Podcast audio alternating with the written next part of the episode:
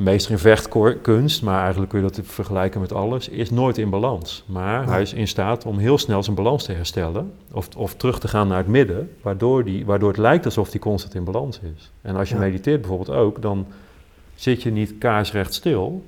Nee, je zit volledig ontspannen en je bent constant heel lichtjes in beweging, maar bijna onzichtbaar. En op het moment dat je gefixeerd stil gaat zitten, ja. dan moet je spieren aanspannen en dan krijg je overal pijn in je lijf. Hey, welkom bij de Inner Magic Podcast.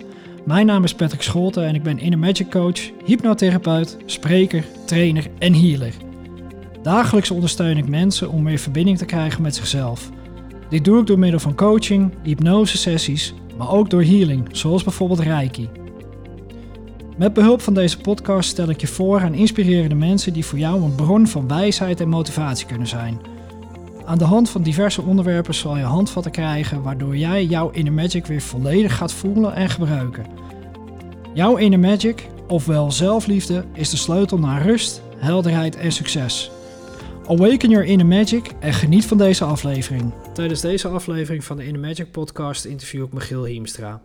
Samen met Michiel heb ik het over hoe belangrijk het is voor ons uh, mensen, uh, maar voornamelijk mannen, uh, om echt om te durven gaan met je emoties.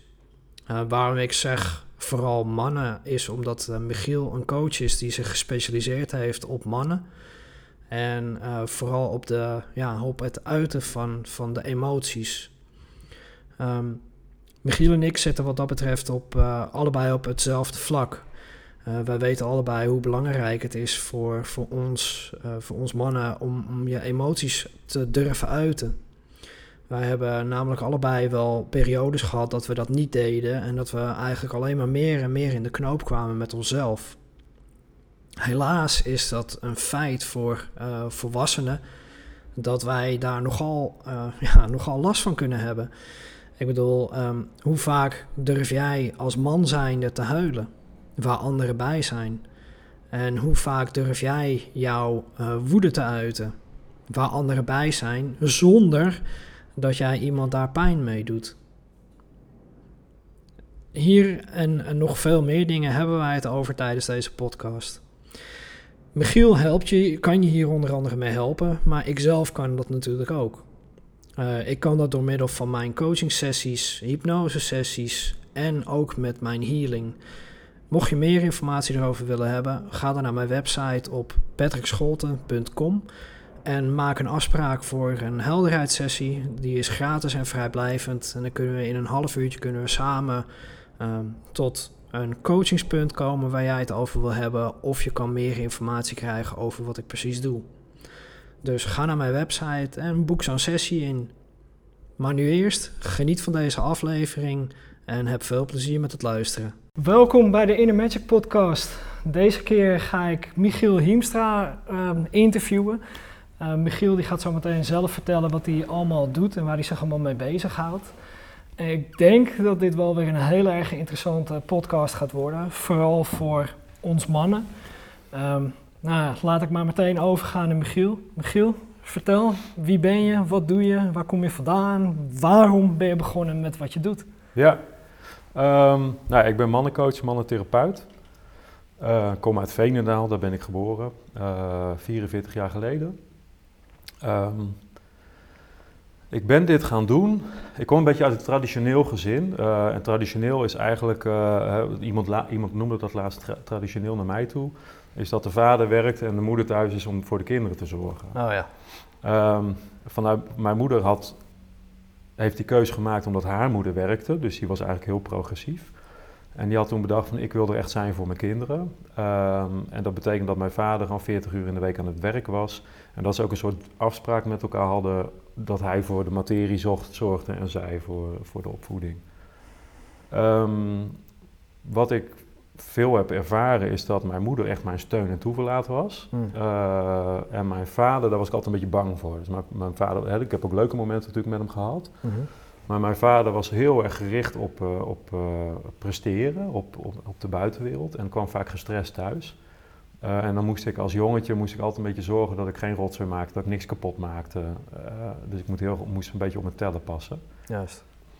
Ehm, dus ik voelde bij hem altijd een beetje spanning. Eh, en naarmate ik ouder werd, werd dat erger. En bij mijn moeder voelde het in het begin vooral van als ik, als ik maar eh, bij haar, als zij maar voor mij zorgt, dan komt alles wel goed. Ja. Mijn moeder hield er niet van als ik boos werd. Dus als ik boos werd, dan keerde zij zich teleurgesteld van me af. En dan was ik alleen. Dus ik leerde ook, ik moet vooral niet boos worden. Want dan sta ik er helemaal alleen voor. Dan heb ik niemand meer. Ja. Dus ik leerde eigenlijk een beetje van mijn vader. eh, mijn vader huilde ook niet. En ik had, om, om me heen leerde ik dat ook. Van mannen huilen niet. Ehm, dus dat deed ik ook niet meer na een tijdje. En, en eh, boos worden was dus ook, betekende ook dat, dat mijn moeder zich van me afkeerde. Dus dat niemand me meer leuk vond en me wilde helpen. Dus eh, boos worden en huilen was, ja, dat deed ik gewoon niet meer. Ja. Ehm, ik groeide op in Veenendaal, dat wa- daar was weinig te doen. Dat was een dorp met, met veel eh, eh, fabrieken, vrij religieus van oorsprong. Eh, veel jongeren, dus op een gegeven moment veel drank, veel geweld. En toen ik 15 was, werd ik op straat in elkaar geslagen. Mm. En dat was eigenlijk, hè, ik liep over straat, ik hoor voetstappen, ik draai me om en, en een paar jongens begonnen op me in te slaan. Ehm, en dat was, eh, toen ben ik alleen maar naar de jongens toe blijven lopen en eh, blijven vragen, "Waar- waarom doen jullie dit? Dus ik, ik had dat heel erg eh, dat geleerd van ik moet niet boos worden. Dus, dus de, de, de neiging om voor mezelf op te komen, die was er ook helemaal niet. Behalve dan de vraag van ik wilde het snappen. Want ik dacht, Ja. ik, heb, ik zal vast iets fout gedaan hebben, maar wat is dat dan? En er moet een reden voor zijn. Er moet een reden voor zijn, ja. doen. ja. En, eh, maar, maar voor mezelf opkomen, dat had ik dus afgeleerd, want ik werd nooit boos. Ehm, omdat dat gebeurd was, ben ik allerlei vechtsporten gaan doen. En op een gegeven moment kwam, kwam ik bij een leraar terecht die gaf eh, free fight, karate, meditatie en qigong. Zo. Dus het was, ja, dat was een hele bijzondere combinatie. Ja, en ik ben absoluut. ook bij hem gebleven omdat hij eh, een hele goede vechter was. Maar ook die, die zachte kant meer vertegenwoordigde. En ik merkte dat ik de eerste meditatieles bij hem volgde, dat, dat dat dat echt voor mij zo thuiskomen was. Dat ik Oh, ja. Af en toe al de neiging had om gewoon te zitten en helemaal niks te willen. En dat mensen vonden dat dat een beetje raar. Ik heb het ook eens op een verjaardagsfeestje gehad, dat ik gewoon echt zoiets had, ik heb helemaal geen zin in al het geklets en al dat, hè, iedereen zat te zuipen en te, te ouwehoeren. En ik had zoiets, Ja. ik wil gewoon rust. En ik dacht altijd dat het heel raar was, dat ik gewoon daar als van, als vanzelf inzakte. En toen zat ik op zo'n meditatiecursus en toen was het ineens, hé, hey, dit is blijkbaar een ding wat mensen bewust opzoeken. Ja. Het is niet raar, het is zelfs gecultiveerd. Ja, dus toen ben ik ook die meditatielessen gaan volgen. En dat heb ik jarenlang gedaan. Ehm, maar ik gebruikte het. Ik, oh ja, ik werkte intussen in de jeugdhulpverlening, in de psychiatrie. Eh, ben to- merkte toen dat dat het ook niet helemaal was. De jeugdhulpverlening was veel eh, zitten, praten. En ja, met jongens van 14, 18 moet je gewoon mee stoeien. Die Ja. moeten bewegen, die moeten een uitlaatklep hebben. En ik merkte dat als ik dat deed, dat ze dan, eh, eh, ja, dat ze dan de rest van de dag eigenlijk poeslief waren. Als ik het niet deed, of als mijn collega's aan het werk waren, die zeiden dat mag niet. Hè, want de orthopedagoog zei dan vaak, je mag, er mag niet gestoeid worden. Oh ja. Maar Ja, de hele dag aandacht aan het trekken. Jij kent dat? Ja, ik ken dat inderdaad wel eh, in de zin van ehm, eigenlijk meer vanuit ervaring. Hè? Dat, je, dat je zelf was ik vroeger ook wel een, eh, een mannetje die, eh, die eh, veel bewoog en veel energie had Ja. en dat kwijt wou. Ja. En als je dan inderdaad gezegd wordt van "Ah, ah, nee, nee, nee, dat mag niet. Dan, ja. dan word je eigenlijk een beetje obstinaat en dan wordt het alleen maar erger. Ja. Ja, en als jij juist wel een gezonde uitlaat, uitlaatklep krijgt, dan kan het er op een gezonde manier uit. Ja, ja precies. Ja. Ja, en ik denk dat geldt voor heel veel eh, jongetjes, denk ik. En, ik- en Ja, dan, en, zeker. Ja, jij bent militair geworden. Ik, ik kan me ook voorstellen dat heel veel jongens daarvoor kiezen, omdat je dan... Het is anders dan een kantoorbaan. Ja, bij mij is dat iets is dat? anders gegaan. Ja? ja, absoluut. En bij mij is het eigenlijk op een gegeven moment. ehm, ik zat op de, op de lagere school. Ja? En eh, we zaten tegen het examenjaar aan. En heel veel vrienden van mij die hadden op een gegeven moment zoiets van: ah, na deze school, dan stop ik met school en dan ga ik het leger in. Ja. Nou, en ik had zoiets van: oké, waarom dan? Ja, nee, dat is stoer en eh, dan kan ik wat voor mijn leven maken en dan kan ik wat betekenen. Nou ja, oké, prima. Nou, ik, eh, ik nog niet. Ik wou nog naar het MBO toe. Ja. Ik ben toen ook nog gaan, gaan studeren, dus aan het MBO. En dat heb ik anderhalf jaar heb ik dat volgehouden.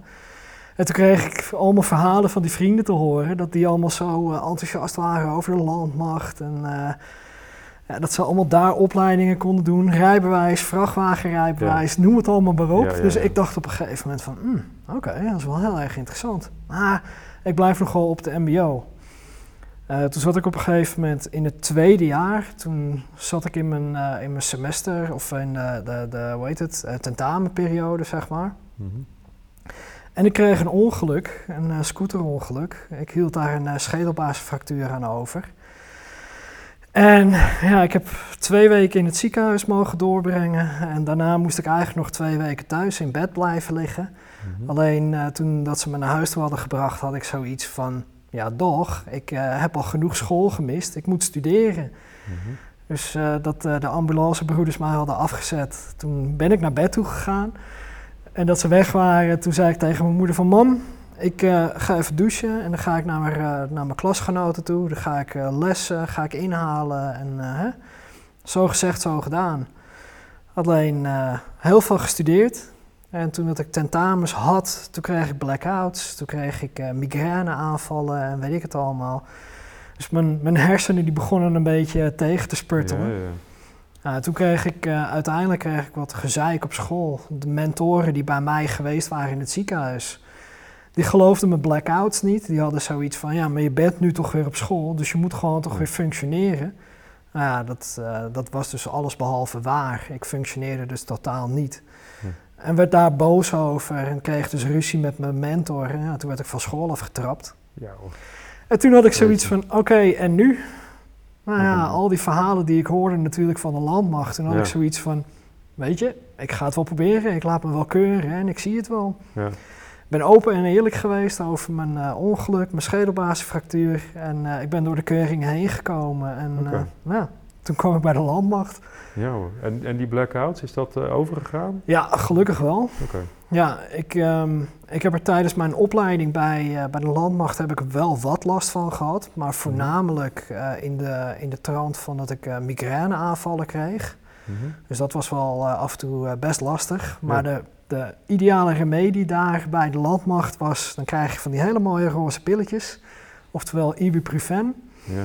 En dat was, eh hup, slikken maar. Dan Ja, ja. eh, voel je je zo meteen weer beter en dan eh, kan je weer door. Ja, ja. Prima. ja. Ja. Dus zo ben ik er eigenlijk ingekomen. Maar ja, tegelijkertijd... Er er was eigenlijk geen, geen ehm, on- ontsnappen aan.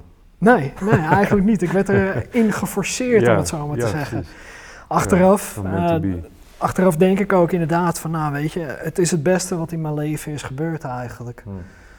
Want in die periode voordat ik het leger inging, was ik een muurbloempje, eh, durfde ik niet voor mezelf op te komen. Ehm, ja, ik had iedere keer echt wel zoiets van, wat moet ik met mijn leven? En ik, Ja. liet, me, ik liet me ook regelmatig, eh, nou ja, liet, ik werd regelmatig gepest, ik werd in elkaar geslagen. Hm. En ik was eigenlijk net zo'n persoon, net zoals jij. Ik, ik vocht niet terug, Mhm. omdat ik juist zoiets had van, ja, maar waarom? Waar sla dit op? Ja. Ik had ook echt zoiets van, ja, maar ja, ik, ik snap het niet. Waarom sla je nou iemand in elkaar voor, voor omdat ik een andere broek aan heb dan dat jij aan Ja. hebt, of andere schoenen draagt dan dat jij hebt. Ja. En voor de rest, ja. Dus ik was inderdaad ook heel erg eh, proberen af te weren iedere keer, tot op een gegeven moment mij wel te veel werd. En dat ik toen een keertje een, eh, een fietslot in mijn handen pakte en bijna iemand wou gaan slaan, maar net nog op, het, eh, op, het, op tijd zoiets had van niet doen. Oh ja, ja. Ja. ja. Maar toen schrok ik er ook wel van en toen werd ik nog meer in mezelf. En toen had ik echt zoiets van oké, ja. ja. Het is ook een beetje, is het dan ook een beetje angst voor je eigen boosheid? Ja. Dat kom ik bij heel veel, Ja. bij mezelf, maar ook bij heel veel mannen die bij mij komen, kom Ja. ik dat tegen. ja, absoluut. En dat Ja. is eigenlijk wel een, een thema wat nu nog steeds speelt. Mhm. Ehm, aan, met ons telefoongesprek wat wij eh, laatst hadden, toen gaf ik dat Ja. ook al een klein beetje aan. Van ik heb nu wel manieren gevonden om het te uiten, om mijn boosheid te uiten. In de zin van eh, dat ik dan echt ga, ga schreeuwen in de auto. eh, Ja, dat ik dan mijn hele stembanden kapot schreeuw. Ja, Of dat ik naar het strand ga en dat ik daar ga staan schreeuwen. Maar ik mis nog wel iets dat ik dan echt eventjes de ontlading kan krijgen. Dat, dat, dat schreeuwen, dat helpt mij wel. Ja. Maar eh, ja, in ons, in ons telefoongesprek had ik het er ook over van dat ik, een, eh, eh, dat ik toen in het leger zat. Toen hadden we militaire zelfverdediging. Dat is een soort van Krav Maga. Mhm. Ja, dat vond ik, vond ik geweldig.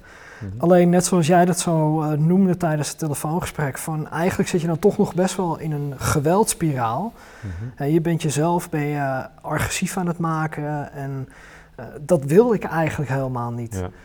Dus ja, ik ben daar wel naar aan het zoeken geweest en jij hebt daar een manier voor inderdaad. En wat je nu al een beetje aan het vertellen was van eh, hoe je dat dan met, met jongeren dan aanpakt. Dus misschien is dat wel interessant inderdaad van hoe, hoe help jij en hoe heb je jezelf daar eigenlijk mee geholpen? Want eh, ja, Ja. daar was je in je verhaal van ehm, hoe jij uiteindelijk meer rust hebt gekregen. Maar ik denk wel dat eh, de mannen die nu luisteren of kijken, ja, hoe, hoe kan je jezelf beter onder controle krijgen op een gezonde manier, zonder dat je jezelf helemaal wegcijfert of dat Ja. je in een hoekje gaat zitten en eh, zo eh, gaat wiebelen van, ja, hoe, hoe moet ik dit doen? Ja. ja, jij beschreef net al hè, dat, je, dat je één keer boos werd en dan eigenlijk schrikt van je eigen boosheid. Wauw. En dat, dat herken ik ook wel. En wat ik op een gegeven moment, eh, ik ging al die vechtsportlessen doen, ik ging mediteren en wat ik, ik realiseerde me dat ik het eh, ehm, inderdaad aan het cultiveren was, eh, hè, het, het vechten. En dat ik Ja. vaak over straat liep, van, eh, er kan, ik liep altijd op te letten op of er geen potentieel gevaarlijke mensen waren, Ja, terwijl vrienden gewoon lekker ontspannen in de kroeg zaten. En, en ik was daar altijd mee bezig. Ja. Eh, op een gegeven moment realiseerde ik me dat ik twee keer in het ziekenhuis had gelegen in een jaar door de trainingen. En dat ik op straat eigenlijk nooit ruzie had. En, ik, en dat vond ik ook niet erg, weet je. Dat was, ja, dan, dan, ik had mijn neus gebroken, maar dan was het, ja, nou ja, een ongelukje, weet je. Je gaat naar het ziekenhuis. Ik werd gek genoeg altijd juist heel rustig als ik fysieke pijn had. Alsof het dan een soort van toegestaan was om mijn aandacht naar mezelf te brengen en verder Ja, even ja. niks te hoeven. Ja. Dus ik werd daar heel kalm van, gek genoeg. En toen op een gegeven moment zei een vriend ook tegen mij van... Jeetje, wat, lig jij, wat ben je vaak geblesseerd door dat sporten voor jou? En toen dacht ik, ja, hij heeft wel eigenlijk wel een punt. En ik mediteerde om mezelf te kalmeren. Maar op een gegeven moment realiseerde ik me ook dat ik... eh, eigenlijk nog steeds niet voor mezelf opkwam. Dus Hmm. dat ik, dat ik eh, bijvoorbeeld met een, met een vrouwelijke collega van 55... die zelf behoorlijk overspannen was, die heel veel kritiek op mij had, die altijd, eh, ja, daar, daar botste ik veel mee. Daarbij kwam ik niet goed voor mezelf op. Ja, dan kon ik misschien wel fysiek leren vechten. Ja. Maar ja, daar heb je dan niks aan. Nou, je pakt zo'n vrouw van 55, pak je niet even bij de haren Nee, en eh, een paar nee. stompen van, hé, luister nou even. Nou, Nee, en verbaal deed ik dat dus ook niet. Of dan zei ik, hè, dus ik heb vier jaar lang gewacht tot ik boos op de werd. En toen ik wegging, toen heb ik, ben ik echt heel erg kwaad geworden. Heb ik alles er in één keer uitgekegeld. Eigenlijk een beetje wat jij met zo'n slot in je hand deed, maar dan verbaal. Ja. En dat vond ik, ik, ik, ik realiseerde me, ja, ik, of het eerlijk naar haar toe was, weet ik niet helemaal. Ergens dacht ik ook, ja, ze moet ook een keer tegengas krijgen, want het hele team was een beetje angstig voor haar. Oh ja, ja. Maar ik, ik, ja, ik vond het ook niet helemaal fair dat ze alles in één keer de volle lading kreeg. Weet je? En het was niet effectief. En, en ehm, op een gegeven moment, toen, nou, ik dacht, ik moet meer hebben dan alleen maar sporten en mediteren, want dat gaat me er niet brengen. Ja. En toen ben ik, ik ben coachingopleiding gaan doen. Ik heb familieopstellingen, een, een opleiding gedaan, een jaaropleiding. Die kreeg ik van iemand die hem gaf. Mooi. Ja, die wilde meer mannen in zijn groep hebben. En eh, Oh. er waren een aantal vrouwen die zeiden, ja, ik wil wel meedoen. Maar niet als, er niet als er niet genoeg mannen in de groep zitten. Dus dan had hij zoiets van, als jij erbij komt, dan doen die vrouwen ook mee. Dan heb ik een volle groep. Dus Ja. ja, ja dat was heel, eh, heel verrassend. Ik kreeg er heel veel inzichten van. Maar ik, het bleef bij mij in mijn hoofd zitten. Want ik snap nu hoe het, ik snap hoe het komt dat ik ben zoals ik ben. Ja. En dat ik doe zoals ik doe. Maar er verandert niks. Dus, zat, ja, dus daar zat ik nog steeds mee. En toen op een gegeven moment eh, ging ik een, eh, een eh, psychodynamische therapieopleiding doen. Dat was een drie jaar. Ik dacht, ik wil nog één gedegen opleiding tot therapeut. Eh, en daarmee gingen we op een gegeven moment een weekend doen, eh, innerlijk kindwerk.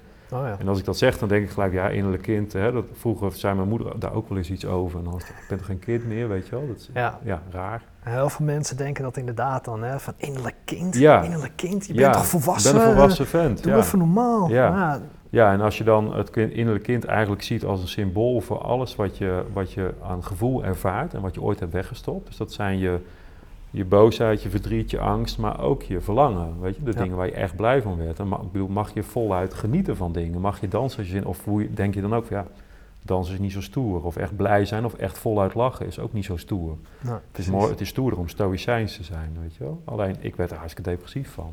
Ja. En in dat weekend Ik weet nog dat ik vertelde dat ik de hele tijd uh, behoorlijk depressief was geweest in mijn puberteit. Dat ik vaak gewoon niet meer wilde. En uh, toen zat er een kerel bij me, naast mij in die groep. En die zat niet in mijn jaar, maar die deed toen mee in dat weekend. Dat was een man van, nou, ik denk hem, ik schat hem iets over de 50, maar een beetje type havenarbeider. Gewoon een, een, een man die geleefd had, die gewoon wel een beetje echt een, een, een kerel, zeg maar, in mijn ja. ogen. Hoe oud was jij toen? Ik was toen, uh, denk ik, vier jaar jonger, dus ik denk 40 of 39 of zoiets. En uh, ik zat dat te vertellen en hij pakt mij in één keer vast en hij begint heel hard te huilen. En hij zegt, ik vind het zo erg als zulke jonge kerels zo, zo over zichzelf praten. En hij barst in jank uit terwijl hij mij vastgrijpt. Ja, en toen, toen ging ik ook. Nou. En dat was voor mij voor het eerst dat ik ervaarde dat een andere man uh, emotioneel werd of geraakt werd door iets wat ik vertelde op die manier. En dat hij mij ook echt bij zich trok. Ja, mooi. Ja, want ik had wel voorbeelden gehad, dus rolmodellen, maar die, die waren er niet echt voor mij. Weet je? Ja. En, en, ik, liep, ik liet ze ook niet toe. Ik bedoel, ik liet die emotie niet toe. Ja, precies. En, het, en de dag daarna gingen we uh, in een familieopstelling staan. Dus dan sta je als het ware tegenover. Dus je staat tegenover twee mensen die je ouders representeren.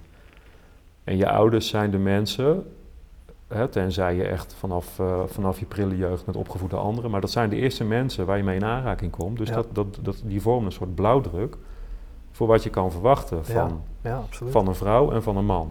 Van het masculine en van het feminine in de wereld. Uh, wordt er voor je gezorgd? Uh, word je gerespecteerd? Wordt er van je gehouden? Ook als je boos bent, ook als je... En als dat allemaal niet zo is, dan, dan, blijf, dan is dat het fundament van je hele gedrag. Nou, ik had geleerd al die emoties weg te stoppen. En op een gegeven moment was het dus mijn beurt om daar tegenover die twee docenten te staan, een man en een vrouw. En echt te gaan zeggen wat ik ooit had willen zeggen, maar wat ik nooit heb gedurfd. Om echt boos te worden, om echt te huilen. En ik dacht, nou, een beetje slaan en schreeuwen, dat kan ik wel. En met karate deden we dat ook. Nou, geen probleem. Kom maar op. Dus er zat daar een groep van twintig mensen. Ik pak dat zwaard Hè, dat was een houten zwaard en een groot schuim, een soort blok waar je dan op mag slaan. En ik sta tegenover die mensen en ik barst een jank uit. En ik dacht, waar komt dit in godsnaam vandaan? En er kwam zoveel boosheid en verdriet uit. Ja. En dat was voor mij voor het eerst dat ik dat voelde. Dat ik echt mijn boosheid voelde en echt mijn verdriet kon voelen. Ja, dat is zo... Um, dat dat dan ineens zo eruit komt, dat is zo heftig eigenlijk. Dat, ja. ja het overrompelt je inderdaad. Ik heb dat zelf, ik heb dan uh, nog geen familieopstelling mogen meemaken. Ik heb er wel onwijs veel van gehoord, maar ik heb het nog nooit ondergaan. Ja. Maar uh, de laatste tijd is het bij mij ook dat ik, uh, ik ben veel aan het lezen geslagen de, de afgelopen maanden. Uh, vooral boeken uh, van No More Mr. Nice Guy, ja. De Kracht van Echte Mannen, ja. nou ja, over, over liefde, dat soort dingen. Ja. En daarin staat veelal staan heel veel dingen hetzelfde. Van hè, laat jouw emoties nou eens een keertje eruit. Dus de afgelopen maanden doe ik dat ook steeds meer en meer. En ook echt als ik dan mijn verdriet voel of mijn, mijn angst ik, ik laat het er dan ook gewoon eens een keertje zijn. En het is zo bevrijdend, maar tegelijkertijd ook zo beangstigend. Ja, hè, omdat, dat is het. omdat wij natuurlijk, dat, uh, wij, wij mannen, hè, wij zijn geprogrammeerd om, om dat niet te doen. Ja. Hè, dat zeg je zelf net ook al in je verhaal. Wij, wij zijn zo geleerd om niet te huilen, niet die emoties te laten zien. En als je boos bent, dan moet je dat ook allemaal weer reguleren. Dan moet je dat allemaal weer in bepaalde banen. Ja. Ja. En, het probleem daarmee is, is dat als je het reguleert, dat het op, als je ontspant, dan kan het er in één keer uitkomen. Dus als je op de snelweg zit, als je thuis bent bij je kinderen, als je vrouw iets vraagt. En dan juist bij de mensen waar je van houdt en waar je ontspant. Ja. En dat is precies wat mijn vader dus deed. Ja, inderdaad. Dat ik alle, alle agressie en boosheid over me heen kreeg, die eigenlijk voor zijn baas en voor zijn klanten en voor mijn moeder bedoeld waren. Ja. Maar daar bleef hij liever, en voor de buren en de hele buitenwereld. En dat is het, het funeste daaraan. Ja, ja, inderdaad. Dat is voor mij inderdaad ook heel erg herkenbaar. Ook vooral in de tijd van dat ik toen nog in het leger zat. Dan, ja. je wordt dan geforceerd om je op een bepaalde manier te gedragen. Ja. En inderdaad, dan als dan de ontspanning er is, hè, dat, je, dat je dan uh, eventjes wat meer tijd voor jezelf hebt tijdens een oefening of een inzet of wat dan ook. En dan zegt net iemand iets tegen je waar, waar je wel een goede connectie mee hebt. Ja, en dan, dan plof je. Of in, uh, in het privéleven. Ik had toen uh, in die tijd dat ik wel wat relaties gehad. Ja. ja, en als ik dan weer thuis kwam ja, dan was ik af en toe echt zo'n klootzak. Omdat ik dan eigenlijk zo hoog in mijn emoties zat. Omdat er dan wat dingen gebeurd waren op het werk Ja. die ik dan niet kon ventileren of niet durfde te ventileren. Ja. Ja, dan kwam je thuis bij, bij je vriendin en dan was, het, eh, dan, dan was zij heel liefdevol en dan, ja, dan zei ze toch in mijn ogen zei ze dan iets verkeerd en dan, dan explodeerde ik. Ja. Dan, dan was het een tirade wat er dan uitkwam. Ik, Ja. ik werd nooit fysiek gelukkig, Ja. maar ja, ment, of, eh, of met, mijn, met mijn spraak deed ik natuurlijk wel genoeg pijn. En het was inderdaad puur die frustratie die er op dat moment dan uitkwam. Omdat ik dat eerst dan bij, op de momenten dat ik dat dan eigenlijk had moeten doen, durfde ik het niet eruit te gooien. Ja. Ja, en het is nu. Ik merk dat, het, dat ik daar nu nog wel wat moeite mee heb, maar het begint steeds meer te komen. Dat ik wel op het moment zelf dan mijn ongenoegen uit, maar dan toch ook nog wel probeer te reguleren. Van hé, hey, ik probeer wel te vertellen van hé, hey, dit doet mij iets. Eh, ik vind het niet fijn. Mhm. Maar toch, dan heb ik wel zoiets van dat er dan een bepaalde woede zit of zo, weet je wel. Dat Mm. ik dat dan ook nog wel inhoud. ja. Ja, en dat. Ja, het, het, het, het, eh, lastige is inderdaad dat als, de- de- dat noemen ze dan een trigger, hè? Dat is, Ja. Eigenlijk is het trauma. En ik, ieder, iedereen heeft trauma. Ik bedoel, Ja. iedereen heeft momenten gehad dat Ja. je emoties voelt waar op dat moment geen plek voor is. Ja, precies. En dat zit dan, dan ergens in je lijf en dat wordt getriggerd dan met van die kleine momentjes. En het probleem is dan dat het of totaal onevenredig eruit komt. Ja. Of dat je, eh, als je denkt van ja, eh, als ik boos word, word ik veel te boos, dus ik doe het helemaal niet meer. Maar dat betekent dat je je grenzen niet meer aangeeft. Want natuurlijk heb je ook in een relatie af en toe dat je gewoon een keer nee moet zeggen. Want ik Ja. zeg, nee, ik heb er geen zin in. Wat ik dan, mijn vrouw geeft me dat ook heel, heel fijn terug. Ja, Dus ik leer heel veel Ja. van haar, maar dat, dat zij me leert ook van ja, ik heb liever dat je nee zegt, dan dat je toch probeert alles goed te doen, terwijl je, terwijl je eigenlijk al tot hier zit. ja, Eh, en dan allerlei smoesjes gaat verzinnen waardoor het niet lukt en dan in de slachtofferrol gaat zitten. Want dat is de andere kant. Dat ik dan probeer de, de Mr. Nice Guy te zijn en het allemaal goed probeer te doen. En dan, ja, maar ik kan ook allemaal niet en ik doe het ook nooit goed. En, nee, zeg dan gewoon, dit is te veel. Ja. Dit kan ik doen en dat niet. ja, precies. Misschien morgen, maar nu niet. Ja, Nou, dat, dan ben je, dat is volwassen eigenlijk. ja, inderdaad. Ja, Ja, dat is dan eh, inderdaad ook hè, eh, wat ik al zei, van echt in, in, eh, ehm, in mijn jongere jaren, dus echt nog eh, de, de, de periode, dat, ik was 20 dat ik het leger in ging. ja, En 29 dat ik eruit ging. En nou, tot mijn 35ste heb ik daar echt wel heel erg mee zitten struggelen. Ik ben nu 40. En ja, wat ik al zeg, van nu kom ik nog steeds wel dingen tegen. Dat ik dan zoiets heb van, hm, oké. Maar Ja. ik leer het nu wel steeds meer om er inderdaad dan over te communiceren en mijn grens dan aan te geven. ja. Maar ja, ehm, af en toe dan, dan schiet het er nog wel bij in. En dan merk ik ineens van, oh ja, ik zit toch wel weer in mijn pleasing rol. ja. En dan probeer ik wel eh, weer een gesprek aan te gaan met de persoon waar dat dan bij is gebeurd. Van, hé, hey, eh, moet je ze even horen? En dat ik dan inderdaad toch wel mijn grenzen probeer aan te geven. En het dan ook op zo'n volwassen mogelijke manier probeer Ja. te doen. Maar het is inderdaad, we, we zeggen nu volwassen mogelijke manier. Mhm. Maar het is inderdaad, hè, net hadden we het een beetje over, eh, over je inner child, eh, het kindsdeel, wat, eh, wat, wat we dan proberen aandacht te geven eigenlijk. Maar het is, wanneer wij onvolwassen reageren, is dat eigenlijk dat kindsdeel wat Ja. aangeraakt wordt. Ja. Die wordt getriggerd inderdaad van, hé, hey, eh, hallo, Ja. ik vind het niet leuk en ik ga maar schreeuwen en ik ga maar doen. Ja, ja, ja, ja. Kijk, maar zijn twee mensen die ruzie maken. Dan eigenlijk twee kinderen die gewoon elkaar proberen te beschadigen van alles, maar doen om... ja, ja. Inderdaad. ja. En, en, en, en je kunt het niet... eh, je kunt het niet wegstoppen. Nee. Dus je, dus wij, wij zeggen ook altijd, je moet je emoties leren beheren. Dus niet, niet beheersen, dus niet onderdrukken of hè, doen- doen alsof het er niet is. Want dan, nee. Bij mannen zie je wel vaker dat het dan eh, eh, zich fysiek uit. Dus dat ze zelf, en dat herken ik zelf ook, dat ik voel dat er in mijn lijf van alles niet lekker zit. Ja. Ik heb benauwd of wat dan ook. En dan, en dan moet ik echt zoeken naar wat het is. En dan ontdek ik, oh, eigenlijk ben ik gewoon hartstikke boos. Of ik ben hartstikke bang. Of ik ben, weet ik veel. Maar het uitzicht fysiek. En dan Ja. uiteindelijk kun je een hernia krijgen. Je kunt allemaal fy- fysieke klachten krijgen. Ja. Ja, of je krijgt inderdaad emotionele eh, reacties op dingen die veel te, te heftig zijn. Ja. Ja. en ik denk ook dat dat ehm, het inhouden van je, van je emoties, dat dat.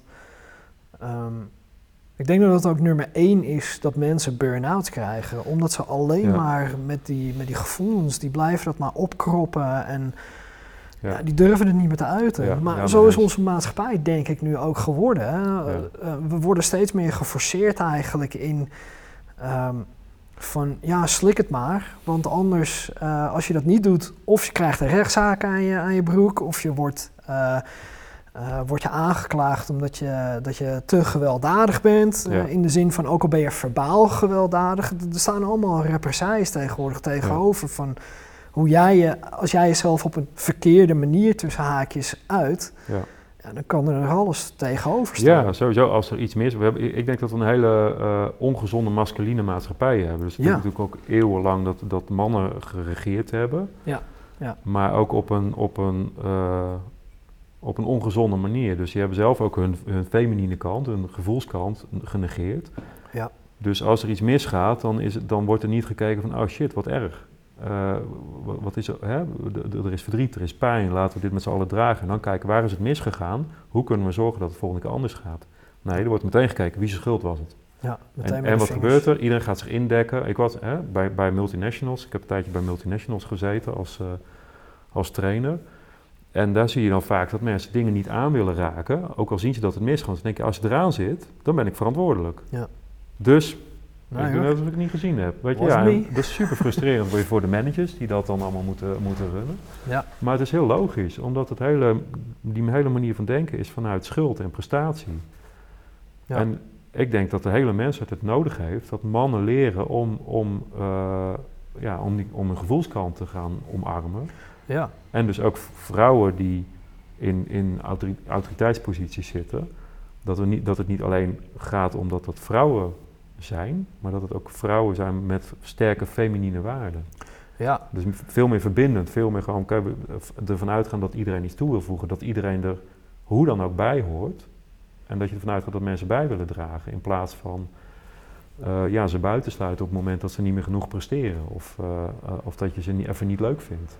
ja, ja je, want dat is wat er vaak gebeurt. En ja, dat- ja, we zijn heel erg, ja, de, de masculine waarden hebben heel erg, eh, alleen dan op een ongezonde, ja, verstikkende manier. Dat zie je nu ook met de coronamaatregelen. Ja, het is toch... precies. Ik, Ja. ik wilde inderdaad net een beetje, ik wilde niet te veel over zeggen. Nee, ik ook niet. Maar je, je merkt inderdaad wel, er is wel meer verandering komende, vind ik. Eh, Mhm. dat er eh, de, de, de oude masculine manier, die wordt steeds meer. Ja, eh, heel veel mensen die voelen dat dit niet meer de manier is. Dat Ja. het veel meer is van oké, eh, wat meer feminine energie erin, maar wel proberen in balans te houden. Ja. Ehm, ja, ondanks dat, en, en wat ik dan net zo zei, van ja, toch, hè, die hele maatschappij, dat is er echt zo op geënt van, eh, ehm, inderdaad toch nog wel die vingers wijzen, van hè, als jij wat fout doet, dan moet je er ook meteen voor Ja. gestraft worden, hoe dan ook, of wat dan ook. Ja. Maar ja, wat, wat, wat merk jij er nu van in, in deze tijd, in de coronatijd, van dat, het, dat er een verandering gaande is? Merk je, merk je dat er echt... Ja, ik heb het idee dat er sinds eh, na de lockdown, in, in- toen de lockdown kwam, toen, was het, eh, hè, toen, toen viel alles stil. Ja. En ik geef die therapeutische mannenweekends eh, bij Krachtman. Ah. En, maar daarna lijkt het wel alsof er meer een aanwas is. Alsof dat ook een, en dat vind ik wel een positief eh, eh, bijverschijnsel, is dat mensen een soort van gedwongen zijn om, eh, om te reflecteren. Om te kijken van, hey, Ja, wil ik dit nog echt zo? Weet je wel? Want voor, Ja. daar- voor die tijd zit je in de red race. En dan komt hij in één keer tot stilstand en is van, oh, waar ben ik nou in godsnaam mee bezig? Weet je? En, en, en straks begint het weer en wil ik eigenlijk wel dat het weer begint. En wil ik dat het doorgaat zoals het ging. ja. Dus ik denk wel dat het in die zin hele gunstige effecten heeft ook. Dat, dat het een soort vergrootglas legt op ja, hoe we dingen doen. Ja, ik had het toevallig gisteren met iemand daar ook over. ehm, eh, een goede vriend van mij. En toen hadden we het inderdaad ook over eh, ja, dat er nu allemaal weer eh, dingen ge- aan het, aan het gebeuren zijn. Regeltjes worden weer wat aangescherpt. Nou, de, de, de geweldige spoedwet die ze er doorheen willen drukken. Eh, nu begint langzaamaan begint alles weer op gang te komen. Hè. Mensen die beginnen weer meer vertrouwen te krijgen. Ze beginnen weer een beetje zo. eh, de red race die begint inderdaad weer een beetje op te starten. En nu lijkt het dan wel. Vanavond komt er dan weer een, een persconferentie. Mhm. Eh, en daar worden waarschijnlijk dus ook allemaal weer nieuwe regeltjes eh, in, in aangekondigd. Maar het lijkt er dus wel op dat nu dat, dat ze toch weer de maatschappij weer even tot, tot een rem proberen te drukken. Hè, op die rem Mhm. proberen te drukken van nou, iedereen wil weer gaan, maar het moet toch een rustiger aan worden. Ja. Ja, aan de ene kant denk ik van eh, met al die regeltjes worden wij in ons vrijheid, worden de dingen ontnomen. En aan de andere kant denk ik, we worden inderdaad geforceerd om weer naar binnen toe te gaan, om meer naar Ja. binnen toe te gaan, om meer te reflecteren naar onszelf en te kijken van hé. Hey, ik denk inderdaad dat er nu wel heel veel mensen ehm, deze kans hebben aangegrepen, meer naar binnen toe zijn gegaan. Maar tegelijkertijd denk ik ook nog dat er zoveel mensen ook in angst zitten. Ja. En ook maar zoiets hebben van. "Oh." Ja. En, en dat, dat die zometeen, als er een tweede lockdown komt, wat ik Mhm. niet hoop, dat, dat die misschien of doorslaan, of dat die eh, misschien nu eindelijk wel wakker worden en zien van hé, hey, maar dit is juist een moment voor mezelf om, om Ja. krachtiger te worden Ja. en meer voor mezelf te kiezen. Ja. Maar ja, ik, ja, ik merk aan mezelf nu dat, dat ik het er zo met jou over heb, dat ik het toch wel een lastige periode vind. Ik heb echt wel Ja, zoiets enorm, van, ik, ik probeer me er zoveel mogelijk ehm, afstandig van te houden. Mhm. Ik probeer wel rekening te houden met de regeltjes die worden opgelegd. En ik ga niet eh, eh, lopen rellen of wat dan ook. Maar tegelijkertijd merk ik ook wel. Ehm, ja. Ik, ik, ik vind het, vind het heel, heel zwaar dat, dat die regels allemaal zo erop gelegd worden. Ja. Dus ja, goed verhaal. Ja, het, is. nou ja, het, het- ja ik, ik, het is een beetje. Ik, ik weet vro- vroeger bij mij op school ook. En ik, eh, ik weet in, in veel bedrijven gebeurt het ook. Er is veel controle van bovenaf. Dat is een beetje de oude manier. Hiërarchisch. Weet je, dat is ook die mannenmanier. Ja, precies. Eh, het- een tijdje geleden was ik een paar keer bij een bedrijf in Maasluis. Key, Key2. Eh Key2E heet ze eigenlijk, maar ze noemen het gewoon noemen ze- spreken ze het nu geloof ik uit. En die hebben alle vormen van controle losgelaten. Dus de medewerkers bepalen zelf wat ze doen, hoeveel ze verdienen, noem maar op. Maar ook met elkaar. oh, wauw. Met het hele idee dat mensen gewoon bij willen dragen. Dat zelfs mensen zichzelf kunnen aannemen. Eh, vervolgens in, in overleg met collega's bepalen wat ze gaan verdienen. Collega's adviseren, maar ze bepalen zelf. Mhm. Maar er is niemand die zegt, ik ga lekker niks doen en ik ga een miljoen verdienen. Hmm. Terwijl het in, in theorie zou kunnen. Ja. Als je dit hoort en je zoekt een baan, Nou, zoek ze op. Maar niemand doet het. Omdat, ze, omdat mensen willen bijdragen. Mensen willen, willen, dat is het een van de fijnste dingen die je kan hebben. Is dat je erbij hoort en dat je... eh, en als je daarvan uitgaat, eh, dan, dan, heb je, dan heb je al die controle niet nodig. En dat verstikken en dat dwingende, weet je, dat pusherige. En, en Ja. dat is toch een beetje wat bij heel veel mensen gebeurt. En waar ook heel veel mensen door uitvallen. En wat, wat mij dan ook in mijn werk dan opviel, ook in de jeugdhulpverlening... Ik ben op een gegeven moment ook gaan kijken naar eh, mensen die succesvol zijn, weet je, van, van eh, hoe, hoe, wat voor leven hebben die gehad. Nou, hebben heel vaak een goede relatie met hun vader, bijvoorbeeld, die ze heel veel vertrouwen geeft. Dat is echt enorm belangrijk. Ja. Eh, je hebt ook een boek daarover, de vaderfactor, daar, daar staat het allemaal heel mooi in beschreven. ja, maar die ben, echt- ben ik een- toevallig nu aan het lezen. Oké, ja, ja, ja, heel mooi boek. Ja. En ehm eh, waar wilde ik naartoe hiermee? Van hoe belangrijk het nou ja, zijn. dat, eh, ja nee, dat, dat, dat, het, dat ik ook op een gegeven moment zag dat mensen die uitvielen op school soms juist daarna hele mooie dingen doen. Omdat die zich niet in een stramien laten dwingen, maar Ja. zelfstandig blijven nadenken en Ja. hun eigen gut feeling volgen. Ja. En dan vervolgens stampen ze een prachtig bedrijf uit de grond. ja, Weet je. Omdat ze, Ja. omdat ze niet, eh, ja, eh, monddood, ze hebben zich niet monddood laten maken. Ze hebben niet hun, hun, hun eh, gut feeling afgesneden. Terwijl als je, als je, ja, heel simpel, als jij ergens zit, zes uur per lang in een schoolbankje en je voelt in je hele lijf, ik moet hier weg, want ik stik hier. Mhm. En Ja. je leert dat gevoel vijf dagen in de week negeren. Want ja, ik moet toch blijven zitten. Op een gegeven moment voel je niks meer. En dan word je een robot. Ja, dan krijg je een kantoorbaan, dan zit je daar als robot. Tot je 65ste dan zit je als een robot te stikken. Ja, en dan kun je een uitlaatklep zoeken door s'avonds naar een kickboxclub te gaan. Of hè, je kunt ook van alles gaan doen. Of, of eh, je kunt drugs gaan gebruiken, je kan naar de hoeren gaan. Ja. Wat, wat mannen ook maar zoeken. Ja. Maar uiteindelijk komt het door het feit dat je je gevoel hebt weggestopt. En je zoekt extreme dingen om weer wat te kunnen voelen. Ja, precies. Ja, en dat is inderdaad ook wat ik ook met mijn coaching, met dan eh, de militairen en de oud-militairen, die probeer ik ook weer in contact te brengen met hun gevoel inderdaad. Van hé, hey, eh, ja, het verschilt natuurlijk per, eh, per militair of ex-militair hoe lang hij of zij in het dienst heeft gezeten. Ja. Ehm, of werkzaam is geweest bij de krijgsmacht. Mhm. Maar ja, je wordt daar inderdaad geleerd om dat hele emotiestuk, dat gevoel, dat, dat moet je allemaal uitschakelen. Nou, ja, je bent soldaat, toch? Ja. Denk ik. Ja. Maar eigenlijk is dat. ehm, eigenlijk is dat inderdaad gewoon het hele systeem van de maatschappij. Van, Ja. van laten we zeggen, de, de oude maatschappij. Eh, dat, we worden allemaal geleerd om dat gevoel inderdaad maar uit te schakelen. En Ja, je omschrijft het echt heel erg mooi. Van, we, moeten naar school, we moeten die opleidingen volgen, want hè, daar staat dan weer wat tegenover. Als jij dan die hoogste opleiding hebt gehaald, dan kan je de beste baan krijgen. Ja. Maar de werkelijkheid is inderdaad, als jij juist leert naar je gevoel te luisteren, dan kan je juist hele mooie dingen neer gaan zetten. Ik bedoel, Ik heb, ik, heb, ik heb contact gehad met, eh jij zegt dat nu, met nou, bijvoorbeeld een, een, een hoge functionaris bij een multinational. Eh, mijn moeder was op een gegeven moment stervende. En eh, ik, ik werkte eigenlijk, ik sprak heel veel mensen, want ja, je werkte, ik, ik was daar trainer, dus ik kwam heel veel mensen tegen. Eh, en van alle mensen was juist hij degene die, toen ik het vertelde, met tranen in zijn ogen stond. oh, En hij, eh, ja, ik heb een enorm warm contact met hem gekregen. Terwijl hij, hij had zo, ja, had natuurlijk heel veel verantwoordelijkheden. En dat vond ik heel opvallend. En hij blokkeerde ook zijn agenda om te kunnen sporten. Weet je? En dan zei hij, ja, er zijn altijd deadlines, altijd dingen die moeten. Ik gaf op een gegeven moment mindfulness trainingen. De mensen die het het hardste nodig hadden, die kwamen niet. Want die hadden deadlines, dus ze konden niet. ja. Hè, dus en, en mindfulness wordt ook vaak gezien als een, een, een methode om stress tegen te gaan. En dat werkt ook om het symptoom te bestrijden, om meer resilient te worden. Ja. Maar uiteindelijk is het, het is een, dan, dan verwordt het tot een doekje, eh, een doekje tegen bloeden. ja, ja, het is Ja, dus- eventjes En, het- een, een doekje of een pleistertje even plakken. En, hè, Ja. eh, en maar de, kern ondertussen- gaat, de kern is uiteindelijk zelfliefde. Vind je jezelf Ja. lief genoeg of hou je genoeg van jezelf om gewoon nee tegen dingen te zeggen? Ja, precies. Ja. En daar heb je je boosheid voor nodig. Ja, ja inderdaad. Ja. Ja. En ehm, hoe oud was jij dat je, dat je begon met meditatie? 23 volgens mij. 23. 22, 23, zoiets. Ja.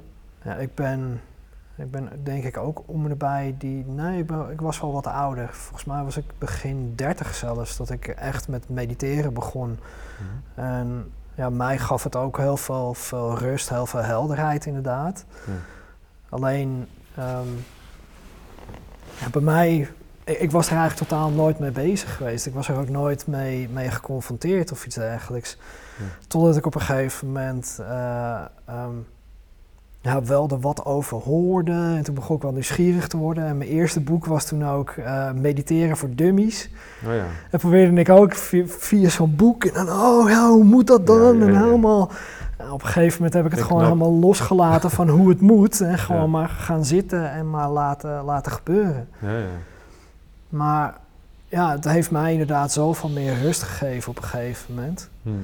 Ehm, gebruik je dat nu ook nog steeds? En, en adviseer je dat je cliënten ook? Om te mediteren? Ja. En, eh, Ja, ik mediteer zelf. eh, ik heb een tijd gehad dat ik echt een half uur per dag mediteerde. Gewoon heb ik echt al, nou, denk 10 of 15 jaar lang eh, gedaan, zo'n beetje. En ik, mijn oorspronkelijke, mijn eerste leraar was ook, hè, dat was die karate en MMA-leraar. Die, dat was ook wel eerst vooral zen, dus dat was gewoon zitten en blijven zitten. Verschrikkelijk. Ik, ik trainde liever 2,5 uur keihard en met blauwe plekken dan dat ik twee minuten moest stilzitten. Ik ging echt kapot van de pijn en, en dat was natuurlijk heel veel eh, ja, gewoon emotionele spanning die zich fysiek uitte. En als ik het maar eruit kon gooien, dan ging het wel goed. Maar zodra Ja. ik stil moest zitten, was het zo confronterend. Ja. Alleen doordat hij, ja, je zit daar met een groep, dus ik moest blijven zitten. Dus dat heeft me best wel veel gebracht. In mijn eentje was ik al lang gestopt. En dat hoor, ik ook, hoor je ook vaak van mensen. Ja, mediteren heb ik wel eens geprobeerd, maar ik- dat kan ik niet. Ja, je kan het Ja. wel, alleen het is gewoon hartstikke zwaar. ja, Om in één keer niet afgeleid te zijn en gewoon stil te zitten. ja, Dat is precies. heel confronterend. En nu ben ik wel op een gegeven moment meer de, de zachte weg gaan zoeken. Dus ik gewoon af en toe, ik, het Qigong heb ik ook gedaan, maar dat ik meer eh, wat yoga ga doen of eh, met een me- muziekje werk. Dus ik, ik kijk een beetje, ik heb een boeddhistische opleiding gedaan ook eh, een paar jaar geleden. Oh, mooi. Bij Nalanda Bodhi, dat was het 2,5 jaar. Dan leer je ook ehm, welke meditatievorm wanneer werkt en welke boeddhistische stromingen er zijn. En, en, want dat was op een gegeven moment wel mijn zoektocht. Van, hè, wanneer ga je nou op je adem focussen? Wanneer ga je gewoon zitten en maar kijken wat er gebeurt? Wanneer doe je visualisatie? Wanneer let je Ja. op je lijf? Ja, er zijn zoveel methodes. Dus wa- wanneer gebruik je wat? eh, met welk doel? En Ja. dat, dat was wel mijn zoektocht. En nu kijk ik meer zo, van als ik merk dat er iets zit eh, in mijn lijf waar ik last van heb, eh, dan geef ik daar bijvoorbeeld een beeld aan. Dat, dat is een, een Tibetaanse methode om, een- om een soort projectie te maken van iets waar je last van hebt. En dan ga je ermee in gesprek. Oh, ja. Als je bijvoorbeeld spanning in je schouders hebt, dan kan het best zijn dat er heel veel woede zit. Dan geeft, geeft die woede een beeld en dan staat er een of ander monster voor je die eigenlijk gewoon iemand zijn kop eraf wil bijten. Wat wil je mij vertellen? Ja, je moet verdomme beter voor jezelf opkomen. ja. Oké, nou daarom zit ik dus met al die spanning in mijn lijf. Weet je, dat kun je. eh, maar soms is het ook gewoon focussen op ademhaling, gewoon concentratie. Dus, Ja. dus ik. Maar ik, ik leer mijn cliënten ook dat soort dingen, maar ik kijk wel wat ze nodig hebben. Dus soms is het een opstelling voor inzicht, soms is gewoon een stukje wandelen voldoende. Weet je wel, is, is mediteren te.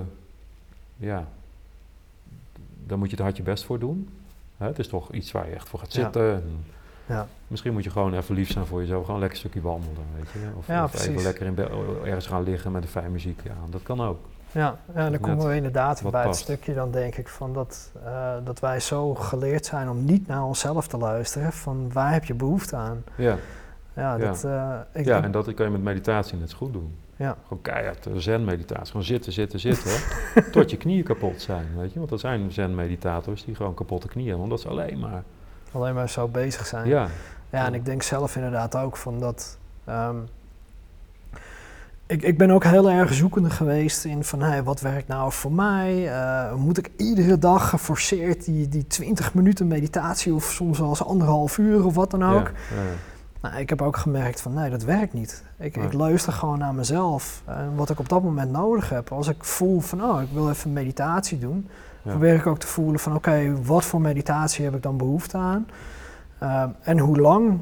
Of is inderdaad een wandelingetje eventjes genoeg? Of eh, een ademhaling? Of Ja. nou, noem het maar op. Ja. Maar het is inderdaad gewoon zo belangrijk dat, eh, dat wij als mens leren te luisteren. Waar heb jij behoefte aan op dit moment? Ja. En toevallig heb ik daar gisteren ook een, eh, een bericht over gedeeld op, op social media. Van ehm, dat, dat er nu gewoon zoveel mensen zijn die maar luisteren naar iemand anders. Hm. En dat maar voor zijn of haar eh, waarheid aannemen. In Ja. de zin van eh, dat mensen niet meer zo durven te kiezen voor zichzelf. Ja, ik las net op eh, LinkedIn een post van iemand, die vond ik wel mooi. Die zei, er is een tweedeling tussen mensen. Er zijn mensen die, zoeken die willen duidelijkheid en mensen willen de waarheid. Ja. En, en dat herken ik wel een beetje. Dat het is, sommige mensen vinden het gewoon ook, denk ik, fijn om gewoon te weten waar ze aan toe zijn. En dat geeft, Ja. Want dat geeft rust. Ja. En het verblijven in het niet weten. Ja, ik weet het gewoon niet. Ik weet niet wie ik kan vertrouwen. Ik, misschien heb jij gelijk, maar ja, misschien ook wel niet. Weet je wel? En ik weet het ook niet. En dan daar toch in kunnen verblijven. Ja. Dat is vol- volgens mij nu de kunst. Zeker voor onze leiders. Want de hele maatschappij verandert. Alle systemen brokkelen af. Ja.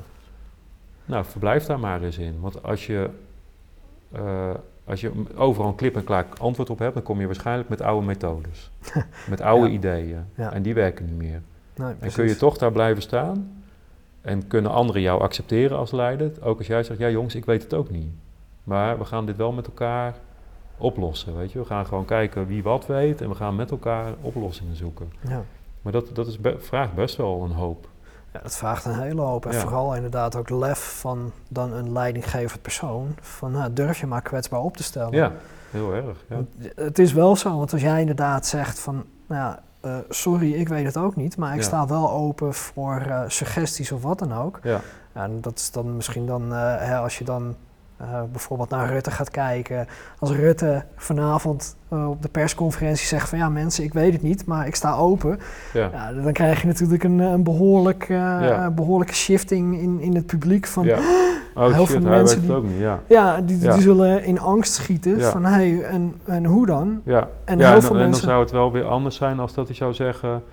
we weten het ook niet, maar we zien wel dat er dit is en dit en dit Ja. en dit. Weet Ja. je? We zien dat er leed is door corona en het- daar is angst voor... en we weten niet precies wat het gaat doen... maar we snappen ook dat er heel veel leed is als we die, ma- die maatregelen nemen. Hè? Dat- Want Ja. dat, hè, toegenomen kindermishandeling en, en dat is van alles natuurlijk. Nou, ik noem er maar Ja. één, maar er zijn... Ja, En we, hebben ook, we proberen oog te hebben voor alles, weet je. Maar we snappen dat het gewoon een zware tijd is voor iedereen. Ja. En niet met de vinger gaan wijzen naar jongeren, alsjeblieft. Zeg. Want dat, Nee, voor de jongens is het ook gewoon heel, ja, gewoon heel heftig, denk ik. Ja, Dus- absoluut. dus- ja. En, en dat is inderdaad wel wat er gebeurt dan toch ook wel weer. Hè? Die, die vingers wijzen en noem het Ja. allemaal weer op. ja, en dat bedoel ik eigenlijk ook met die feminine waarde van iedereen hoort er gewoon bij, weet je. wel. We houden van jullie allemaal, jullie mogen er allemaal gewoon bij horen. En we gaan gewoon kijken dat we het zo kunnen oplossen dat het voor iedereen zo goed mogelijk is. Weet je? Ja. En we doen ons best, ja. En dat, ik denk dat dat wel heel veel verbinding schept. En als er verbinding is, mag een leider ook, ook een fout maken. Ja, ja inderdaad. Maar dat, maar dat begint, dat, dat geloof ik echt, met eh, fouten van jezelf, met jezelf, met ook weer met liefde naar jezelf. Want als jij heel hard bent voor jezelf, dan ben je ook heel hard voor een ander. Juist. Ja. Dus als, als ik eh, eh, mezelf op alles veroordeel, ja, dan ga ik jou ook op alles veroordelen. Dan ga ik Rutte ook op alles veroordelen. Dan ga ik dat bij iedereen doen. Ja. Dus iedereen heeft dit werk te doen. ja, je, Het absoluut. is gewoon echt een, een eh, dat kun je niet met een of ander maatschappelijk systeem of een politiek systeem of een, met eh, hier is een klant- kant-en-klare oplossing. Nee, dit is gewoon, dit, dit is the work, weet je, zoals die documentaire. Ja. Dit is het werk wat we te doen hebben, ieder voor zich. Ja. ja, en dat is inderdaad eh, verantwoording nemen over je eigen leven. Ja, En Ja. ja, durf ook inderdaad maar dan te zeggen van... oké, ik ben fout geweest of ik heb deze beslissing heb ik niet zo slim genomen. Of, ja, ja, dat, dat, dat is inderdaad wel een ding waar ik, waar ik zelf ook persoonlijk gewoon steeds meer, eh, meer mee bezig ben. Dat ik dan inderdaad die verantwoording neem voor mijn eigen leven. Maar je ziet het zoveel nog, of althans, laat ik het goed zeggen, ik zie het nog zoveel om me heen. Dat er zoveel mensen zijn die dat echt niet durven. ja, Die echt alleen maar wijzen met van, ja maar eh, ik voel me kut, maar dat komt door hem of door haar. Ja. Of, ja. ja, Ja, durf inderdaad de verantwoording te nemen over je eigen leven. Ja. Dat, daar begint het gewoon bij. ja. Ja, en, en ik denk dat dat ook weer begint eh, bij, bij de, de mededogen naar jezelf. Ja. Want op het moment dat je dat niet hebt, ja, dan, ga je, dan wil je er ook niet naar kijken. Nee, inderdaad. Ja, ja, want, Dus dat, dat gaat een beetje hand in hand. ja. En jij zei net ook iets, eh, ik moest denken aan die uitspraak, eh, ik weet eerlijk gezegd niet meer van wie die is. Ehm, in mijn wijsheid eh, overzie ik alles en in mijn liefde omarm ik of ben ik alles. Mm. En, en volgens mij, wat ik vaak met meditatie vroeger deed, was eh, die proberen die wijsheid op te zoeken. Hè, dus voor alles beschouwend, inclusief mezelf. ja. En op een gegeven moment dacht ik, ik wil weer voelen. Ik wil, ik wil huilen, ik wil boos worden, ik wil gewoon voelen dat ik leef. Ik wil echt blij zijn, echt genieten van dingen. Maar dat betekent ook de pijn omarmen. Dus ook Ja. de, en dat, ik denk dat dat nu, hè, want we kunnen nu proberen eh, te beschouwen wat er allemaal in de maatschappij gebeurt. En, eh, en, en wat er allemaal, eh, wat mensen allemaal doen en wat er om de krant staat. En, eh, en je kunt er proberen de afstand van te nemen. Ja. Eh, je kunt er enorm in verzuipen. En voor mij is echt de uitdaging om het allebei te doen. En het Ja. is gewoon pijnlijk. Ik bedoel, er is gewoon, ik, voel, ik voel ook die angst. En af en toe denk ik, Ja. ik wil niet meer op social media, ik wil er niks meer van weten. En dan ga ik erop en dan zie ik wel allemaal dingen die niet kloppen. En dan kan ik me heel erg boos maken. Weet je, en dan duik ik erin en dan krijg ik weer discussies en denk ik, ah, gadverdamme, ik wil niet meer, weet je. En, en voor mij is echt de, de uitdaging om, om er eigenlijk helemaal mezelf er helemaal in onder te dompelen, in al de pijn en het verdriet en de angst en het ook van iedereen te, te, te, te snappen of te ervaren. Ja. Eh, en tegelijkertijd ook weer een beetje afstand te kunnen nemen, weet je. Het is een beetje van, oké, we zitten in een zware storm, ik hou die koers, maar ik blijf wel in de storm. Ik ga Ja. er niet van weg. Ja, heel erg herkenbaar. Ik zit nu met een, eh, met een glimlach zit ik een beetje op mijn gezicht. het is, het is Ah, ik vind puur, helemaal niet leuk. Het is puur een, een, een glimlach van, van herkenning. Want eh, zo sta ik inderdaad ook. Zo, het, het schommelt zo bij mij af en toe van... Het ene moment heb ik echt zoiets van... Ah, ik flikker er al die social media flikker ik weg. Want ik wil, Ja. ik wil er niet meer mee geconfronteerd worden. En, en het andere moment denk ik echt van... Dan leef ik zo mee met, met mensen die er... Die er eh, ja, ik noem het maar even, last van hebben van wat er allemaal gebeurt. Dat ik met hun meeleef en dat ik met hun mee probeer te voelen. Ja. Maar tegelijkertijd ook aan, aan de andere kant zie ik ook van wat er allemaal gebeurt, wat voor frustraties het allemaal heeft, wat, wat het met mij doet, wat het met die anderen doet. En, en af en toe dan, en dan voel ik me ook op een gegeven moment zo verdrietig. Ja. Dan heb ik ook echt zoiets van, nou, ik weet er niet waar het vandaan komt, maar dan komt er gewoon zo'n stortvloed aan, aan, aan tranen komt er gewoon aan. Ja. En dan heb ik ook zoiets van, nou, laat maar, laat het allemaal Ja. maar komen. En dan, dan Ja. laat ik het over me heen komen. Ja. En dan, dan daarna voelt het wel weer zo, zo bevrijdend eigenlijk. En dan kan je ook weer met een frisse, heldere blik kan je weer kijken van wat gebeurt er nu allemaal. Ik, ik, ik luister ook met enige jaloezie als jij zegt ik kan zo, want ik, ik kan niet zo makkelijk huilen. Ik vind dat heel moeilijk om daarbij te komen. Als het me af en toe een keer lukt, als ik zo heel hard aan het werk ben om de wereld te verbeteren en ik kan een keer goed huilen, voel ik me zo ontspannen daarna. Ja, Maar het kost Ja. me moeite om daarbij te komen, omdat ik de neiging heb om constant maar...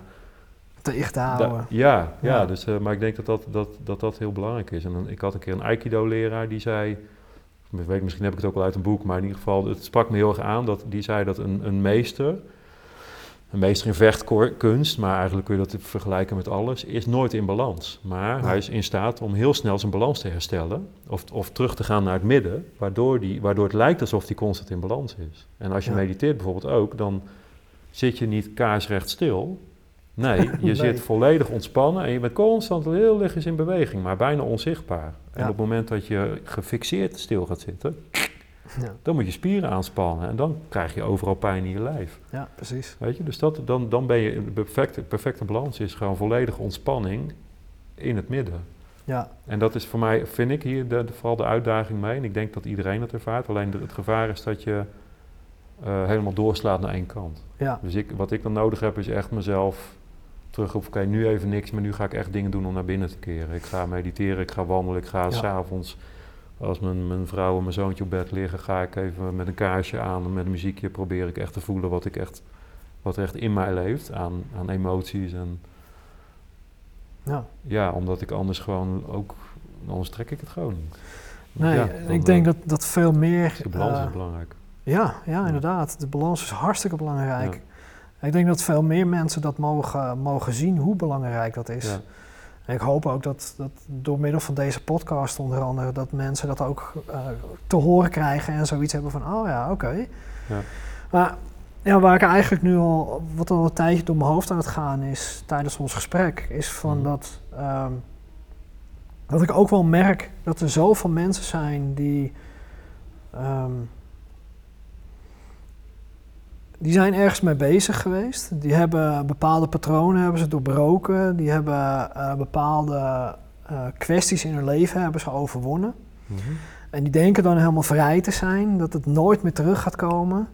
En het moment dat ze dan boos worden, Ja. of dat, dat, dat die trigger weer afgaat, dat ze dan het gevoel hebben dat het hun hele leven voorbij is. Omdat ze dan gefaald hebben.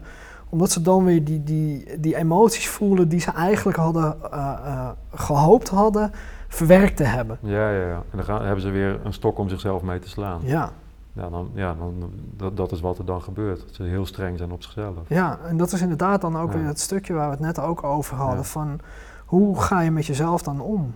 Ga je jezelf dan meteen inderdaad in elkaar slaan, eh, schoppen? Ga je dan jezelf helemaal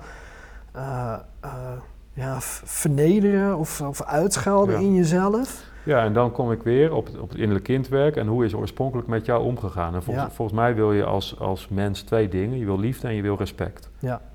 Nou, dat, hè, en, en als je het heel sec bekijkt, zou je kunnen zeggen... de liefde krijg je van je moeder, hè, in de vorm van verzorging. Van, van, nou ja, ze, ze, ze zorgt al voor je als je in de buik zit. En daarna ook een tijd. Als het En goed je vader, dit is de eerste persoon die je leert kennen... Die, waar je nog, nog niet mee in contact bent geweest. Waar je nog niet mee verbonden bent. Ja, Dus daar, daar wil, van wil je dat hij je waardeert. En Ja. dus dat hij je respecteert. Weet je? En als je dat eh, aan jezelf kunt geven, dat je jezelf eh, respecteert, maar op, met mededogen ook uitdaagt, dan kun je groeien. Ja, bedoel, hoe leert een kind? Door hem steeds opnieuw dingen te laten uitproberen, door hem een beetje uit te dagen, maar niet buiten de comfortzone. Want dan, dan, ja, dan, dan beschadigt hij alleen maar, dan kan hij niet opbloeien. Ja. Dus en, dat, en hoe je dat zelf doet, is waarschijnlijk hoe je het geleerd hebt van je ouders, ooit. Dus dan kom ik weer daar, van in een opstelling tegenover je ouders staan en gewoon eens kijken, wat, wat had ik willen zeggen, wat had ik willen horen, wat, wat voel ik, wat ik gemist heb. Daar zit de kern van hoe je met jezelf omgaat. ja, ja, precies. En dan nog steeds, er zijn geen ouders die dat perfect doen.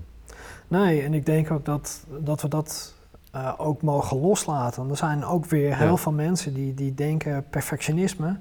het moet allemaal zo volgens dat boekje. Ja, ja. Ja. nee, dat werkt niet. Nee, Nee. Je kan wel eh, wat, eh, zeg maar, perfe- perfectionisme wordt vaak gezien als streven naar het perfecte.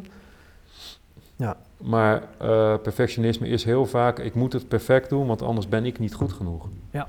En dat, wat dat, dat maakt, is als je, als je echt iets wil bereiken als, een als topsporter, als, als wat dan ook, uh, en je geeft jezelf op je donder als je het een, een keer niet perfect doet, dan heb je kans dat je, dat je uh, jezelf niet meer uitgedagen. Dat, ja. dat je veilige dingen, dat, dat is wat ik deed. Ik denk, ik ga alleen maar dingen doen die ik, waarvan ik zeker weet dat ik ze gewoon goed kan. Ja. Ik ging met mensen werken met problemen, want ik had altijd mensen die naar mij toe kwamen met problemen. Op de lagere school al. Ik denk, daar hoef ik niks voor te doen. Dus toen ik een schoolkeuze maakte, was dat gewoon mijn keuze. Ja, wil je sociaal werk gaan doen, mensen met problemen? Ik zei, ja hoor, ja, die heb ik toch altijd om me heen, dus uh, ja. hoef ik niks voor te leren. Weet je, en, en uh, anders had ik mezelf meer uitgedaagd. Dus dat ben ik later wel weer gaan doen. Ja. Maar, maar dat is denk ik heel erg beangstigend voor, voor heel veel mensen nu. Hè? Omdat uh, die, hebben, die hebben die opvoeding gehad van nou, je moet zus, je moet zo, die, dat perfectionisme echt in die rol zitten. Want Ja. anders, anders ben ik het niet waard. ja, dat is het. Ja, ik ben niet goed genoeg. Ja, ik ben niet goed genoeg. Dat, dat, dat zie je nu ja, bij mezelf. Durf ik wel te zeggen dat het gelukkig een heel stuk minder is geworden. Hm. Maar af en toe heb ik dat inderdaad ook nog wel. hè. Ja, dat Dan- gaat dan- voor mij. Ik geloof ook niet dat dat ooit helemaal weggaat. Nee, ik, geloof- nee, ik, ik merk het ook. Ik zit ook, hè, dit wordt opgenomen en dan voel ik ook een lichte spanning. Oeh, straks gaan Oh. mensen terugluisteren, terugkijken, zeg ik niks raars. ja, Alleen ik weet wel dat het, dat het, het wordt zachter. Ik herken Precies. het sneller en ik kan er meer mee van, oké, ja, zo ben ik opgedroogd vanuit, mijn, eh, vanuit hoe ik opgegroeid ben. ja, Eh, het is ook mijn, mijn omdat ik het eh, heb, het herken en een beetje weet hoe ik ermee om moet gaan, ja, ik benadruk een beetje, kan ik anderen daar ook mee helpen. En Ja. aangezien een heel groot deel van onze maatschappij hier last van heeft, heb ik er mijn werk van gemaakt. Ja, ja, Weet inderdaad. je, dus dat, dat, is, ja, dat is gewoon eh, eh, hoe het is. Dus het- ik geloof niet dat het helemaal weggaat, maar wel dat je met mededogen ernaar kunt kijken. Oké. Ja. En hopelijk eh, kan ik mijn zoontje helpen om het, om het veel minder te ervaren. En, en heel Ja. veel andere mensen, waardoor zij ook hun kinderen dit niet meer meegeven. En ja, kunnen wat anders gaan doen. Maar, het, maar het, als je kijkt naar het Calvinisme, het kapitalisme, het individualisme, zijn allemaal dingen die invloed hebben op hoe wij zijn met z'n allen in het Westen. Ja. Het, kapi- het, het- het Calvinisme was natuurlijk heel erg van hè, de, de eh, ledigheid is des duivels oorku- oorkussen, dus je moet altijd werken en, eh, en dingen doen, want eh, ja, we, Ja. Zijn niet ook, we zijn gewoon inherent niet goed. Hè, Jezus is gestorven voor onze zonden, maar hè, wij zijn zondaars. Dus we zijn niet goed. Kapitalisme zegt eigenlijk, je kan alles bereiken wat je wil, maar je moet wel hard voor werken. Dus als je niks bereikt, ben je een loser. Ja. En individualisme betekent dat je het alleen moet doen.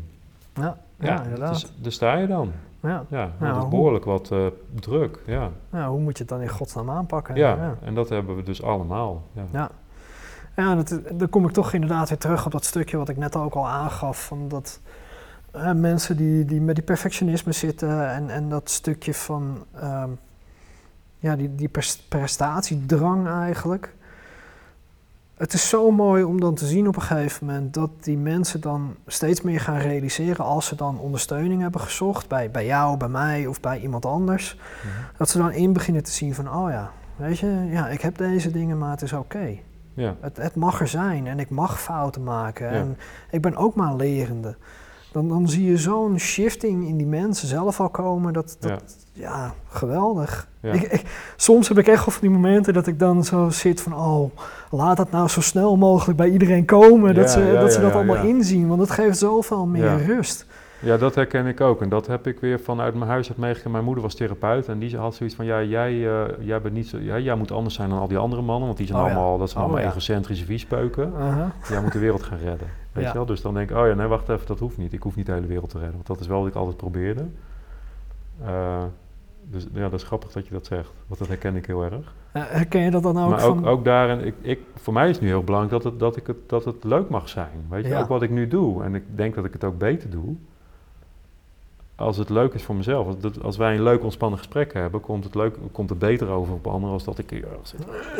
Weet je, ja, Ja. denk ik. Ja, absoluut. Ja, ja inderdaad. Ja, dus, Ja, en precies wat jij net zo zegt, hè, van dat, je, dat je moeder dan zo zegt van... eh, ja, maar jij moet het anders doen en jij moet de wereld gaan veranderen. ja. Dat geeft eigenlijk gewoon zo onwijs veel druk op je. Nee. Eh, helemaal niet. Nee, maar dat is echt... Ja. eh, op, op zoveel onbewuste levels word je daardoor gewoon zo in een bepaalde eh, Ja. hoek gedrukt en Ja. in, een, in, een, in een prestatiedrang gedrukt. Ja. Van ja, ga het maar even fixen. Ja, ja en, en zoals ze zeggen, de stenen die jij op de weg laat liggen, die, daar struikelen je kinderen over. Dus alles wat jij niet opruimt, geef je aan je kinderen mee. En die moeten daar dan mee dealen. Dus het is, Ja, en dat hebben jaren voor ons, of dicht, nou weet ik voor hoe lang. Onze ouders zijn niet in therapie geweest, eh, vaak. Onze, Nee. onze grootouders ook niet. Na de Tweede Wereldoorlog zijn niet in therapie geweest. nee. Eh, na de Eerste Wereldoorlog, wie is er in therapie geweest? In de crisisjaren van de eh, jaren 30. Dus generaties lang is er gewoon maar doorgeploeterd. En, en we moeten werken, Ja. land opbouwen. we moeten- en wij nu, komen nu op een punt, eigenlijk ook een soort luxe, dat we eigenlijk van alles voorzien zijn. Alles kan. En nou komt in één keer al die shit omhoog. ja. Dat is- en dat is volgens mij, ja, dat zou jij beter weten dan ik. Als militair zijn er, eh, een tijdje geleden was die 22 eh, push-up challenge, wa- Ja. hè, een paar jaar Ja. geleden. Dat er meer, eh, 22 veteranen per dag, geloof ik, in Amerika zelfmoord pleegden. Wat veel meer is dan het aantal veteranen die in de oorlog omkomen. Dus dat, dat ze thuiskomen, ontspannen en dan in één keer komt. Ja, inderdaad. Ja. Ja, daar hadden we het inderdaad tijdens ons telefoongesprek ook over gehad. Ja, dat, ehm, dat wanneer de, de militairen dan weer thuiskomen en dan ook daadwerkelijk in Amerika dan eh, uit hun functie gezet worden of uit hun functie gaan Ja. en dan weer de normale mensenwereld in moeten. Ja. Ja, die gasten die weten helemaal niet meer hoe, hoe ze moeten functioneren. Maar ik denk Ja. Dat het hier met, eh, met het Nederlandse leger, eh, vooral met de, de vechtende eenheden, Mhm. eh, die dan echt in het veld zitten en die echt de veldslagen meemaken. Mhm. En die komen dan weer terug. Een groot deel die zal tot hun, tot hun pensioen zullen ze in het leger blijven zitten, omdat ze gewoon niet weten hoe of wat ze verder moeten. Mhm. Maar je hebt altijd van die mensen, dat is dan inderdaad mijn doelgroep, die dan toch zoiets hebben van hé, hey, maar ik wil wat anders. Ja. En probeer die dan maar weer terug te krijgen naar hun gevoel. Die, die, Ja. die zitten zo vast eigenlijk in dat systeem. Ja. En van voordat ze in het systeem stapten ook al waarschijnlijk Ja. hetzelfde ermee. Want Ja. doen de meeste jongens van 19, 20, die ze hebben niet geleerd om hun Nee. emoties te, te, toe te laten en te beheren. dat, dat ik toen in de, in de opleiding zat, het grote deel van de jongens waar ik toen mee in opleiding zat, Mhm. dat waren of ehm, eh, al eh, jeugdige detentiefiguren, dus mensen Mhm. die al in aanraking waren gekomen met justitie, niet Ja. op, een, op een goede manier. Mhm. Eh, dus eigenlijk een beetje het schorrimorrie die dan nog als laatste hoop dan het leger ingingen om Ja. dan weer een beetje gecorrigeerd te worden. Ja. Ja, en, en, en die gaan dan, of die kiezen dan voor nou, een ondersteunende eenheid, wat ik dus heb gedaan. Ik heb bij de verbindingsdienst gezeten. Mhm. Of die gaan dan naar zo'n vechtende eenheid. Nou, en die worden dan nog meer gevormd en gekneed om Mm. nog meer zo'n klootzak te worden. ja. Ja, en dan... En Ja, die dan- hebben van huis uit dus heel weinig meegekregen, want ze, zitten ook niet voor, ze komen niet voor niks in aanraking met justitie. Nee, precies. Ja. Ja, en die komen dan in bepaalde situaties tijdens een uitzending. Ja, dat hun skills die ze misschien op straat geleerd hebben, hun kunnen helpen. Mhm. Maar dan worden ze ouder, dan worden ze als het goed is wat rustiger. En dan gaan Ja. ze het leger uit. Ja, dan worden ze inderdaad geconfronteerd van... hé, hey, Ja. maar ik kan niet zomaar meer iemand neerslaan of neerschieten. Ja. Of, ja, en hoe dan? Ja. ja, en wat jij beschrijft is wat ik, wat ik in mijn puberteit altijd dacht van hoe zou het zijn als we nou eh, heel veel mannen zouden hebben die, die dit zouden kunnen. Die zouden als het nodig is iemand neerslaan of iemand op zijn plek zetten. Of, en tegelijkertijd heel veel mededogen en liefde naar die mensen Ja. voelen. Ja, Want nu, het leek altijd zo'n tweeleding. Van je hebt hele lieve mannen en die slaan er geen deuk in een pakje boter. En je Ja. hebt de, de krachtige bullenbakken, zeg maar. En ik dacht van ja, stel nou dat je... En dat had ik dus in die ene leraar. Dat ik dacht van nou, dat is wel een man... Die is liefdevol, die is wijs en hij kan goed vechten. Ja. Weet je, dus dat, dat, maar dat was wel altijd mijn beeld zo. Van dit, dat, dat is wat we nodig hebben. ja, inderdaad. En ik denk ook dat het veel belangrijker is dat... eh, dat heel veel mannen dat ook steeds meer gaan inzien, weet je Ja. wel? Van, het is oké om daartussenin te gaan zitten. Je hoeft Ja. niet, je hoeft niet eh, het vrouwtje in huis te zijn. En je hoeft ook niet de ultieme badass fan te zijn. Ja, Je mag er tussenin gaan zitten. Weet je, eh, tuurlijk... ehm, sla een keertje iemand in elkaar als dat nodig is. Maar ja, of geef hem één klap om hem te stoppen. Maar Ja. mijn, mijn leraar noemde dat altijd iemand stoppen. Dus hij zei Ja. nooit iemand op zijn bek slaan of iemand... Maar zijn gedrag stoppen. Even, iemand- even weer ja. terug in de realiteit te brengen. Ja, maar wees dan ook wel weer vent om dan, uh, om dan die verantwoording er ook voor te nemen. Hè? Van oké, ja, ik heb je nou een tik op je bek gegeven en dat heb ik daar en daarvoor gedaan. Ja. Nou, ik heb, maar durf ook... ik heb een keer een straatrover op de grond gegooid. Die, die had iemand beroofd of zo. En, zaten mensen, en ik, in een flits gooide ik hem op de grond. En hij viel en ik zat bovenop hem. Ik had zeg maar ja, om zijn handen te controleren. En hij zei, mhm. waarom doe je dit? En, ik, en het eerste wat ik aan hem vroeg was, ik dacht meteen, hoe, gaat het goed? Want ik dacht, oh shit, hij viel best hard, weet je wel. Dus ik had gelijk... Gaat het goed? Niet, ja, ik dacht, gaat het? Ja, ik wou hem niet echt pijn doen, maar ik wou hem wel tegenhouden, weet je wel. Dus en toen kwamen de bewakers aan en die begonnen hem allemaal doorheen te... Toen ben ik weer voor hem opgekomen van, hé, hey, je hebt hem nu, weet je. Ja, dat is toch Zo'n bewaker van 120 kilo, 2 meter. denk ik, ja, ja, het was een mager straatrovertje. Ja, dat is ook weer niet nodig, weet je. Je hebt hem nu te pakken, hij moet terecht staan, of hij moet, hè, maar ja. doe het met zachte, stevige hand.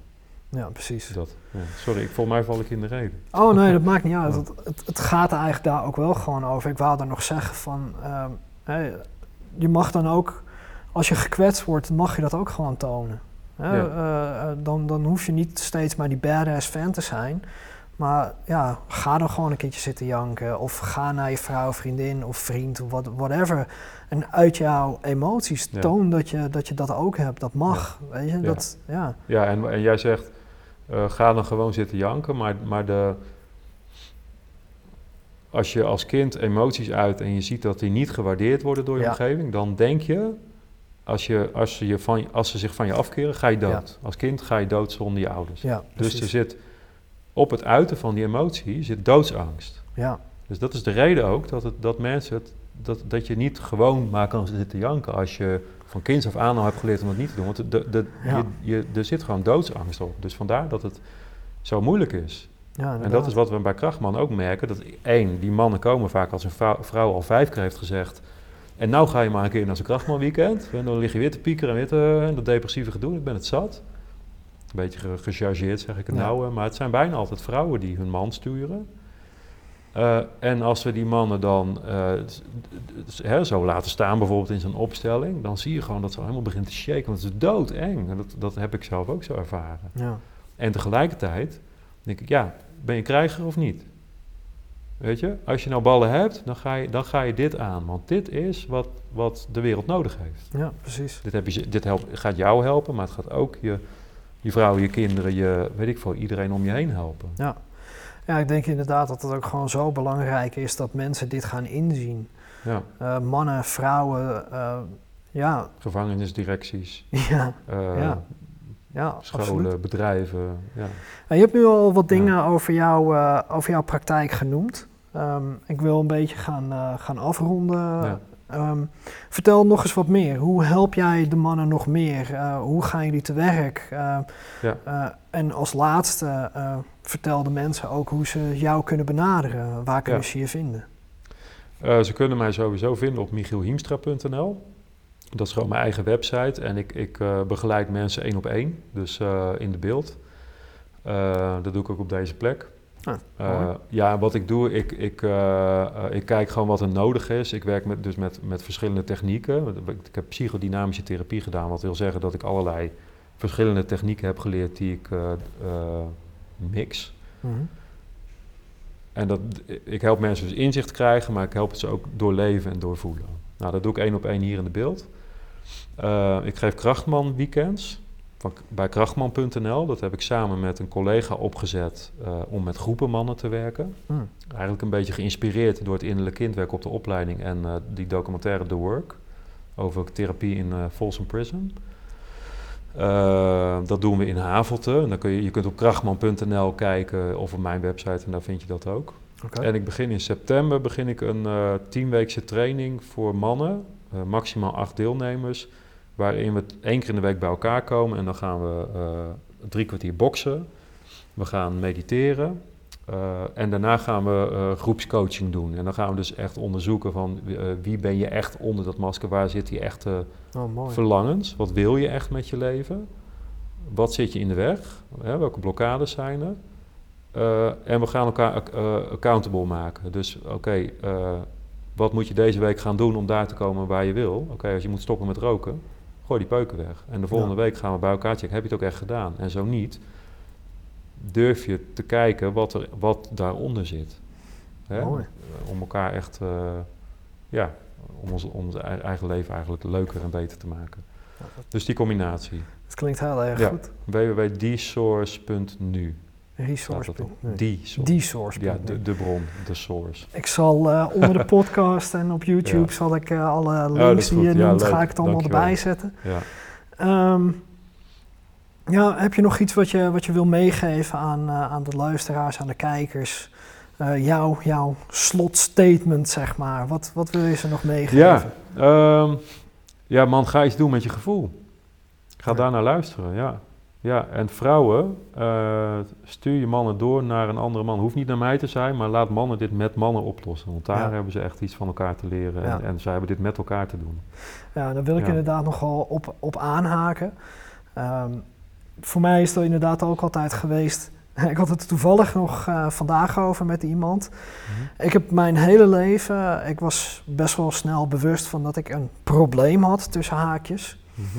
En ik ben toen al gaan zoeken naar methodes om dat te gaan op te lossen. Eerst via de reguliere eh, manier, eh, psycholoog, eh, maatschappelijk werker. Maar het waren altijd vrouwen. Ik koos altijd voor een vrouw. Daar koos je zelf voor. Daar koos ik Ja, zelf ja, voor. Ik had altijd zoiets van, ja, maar een vrouw en daar voel ik me veilig bij. En, hè?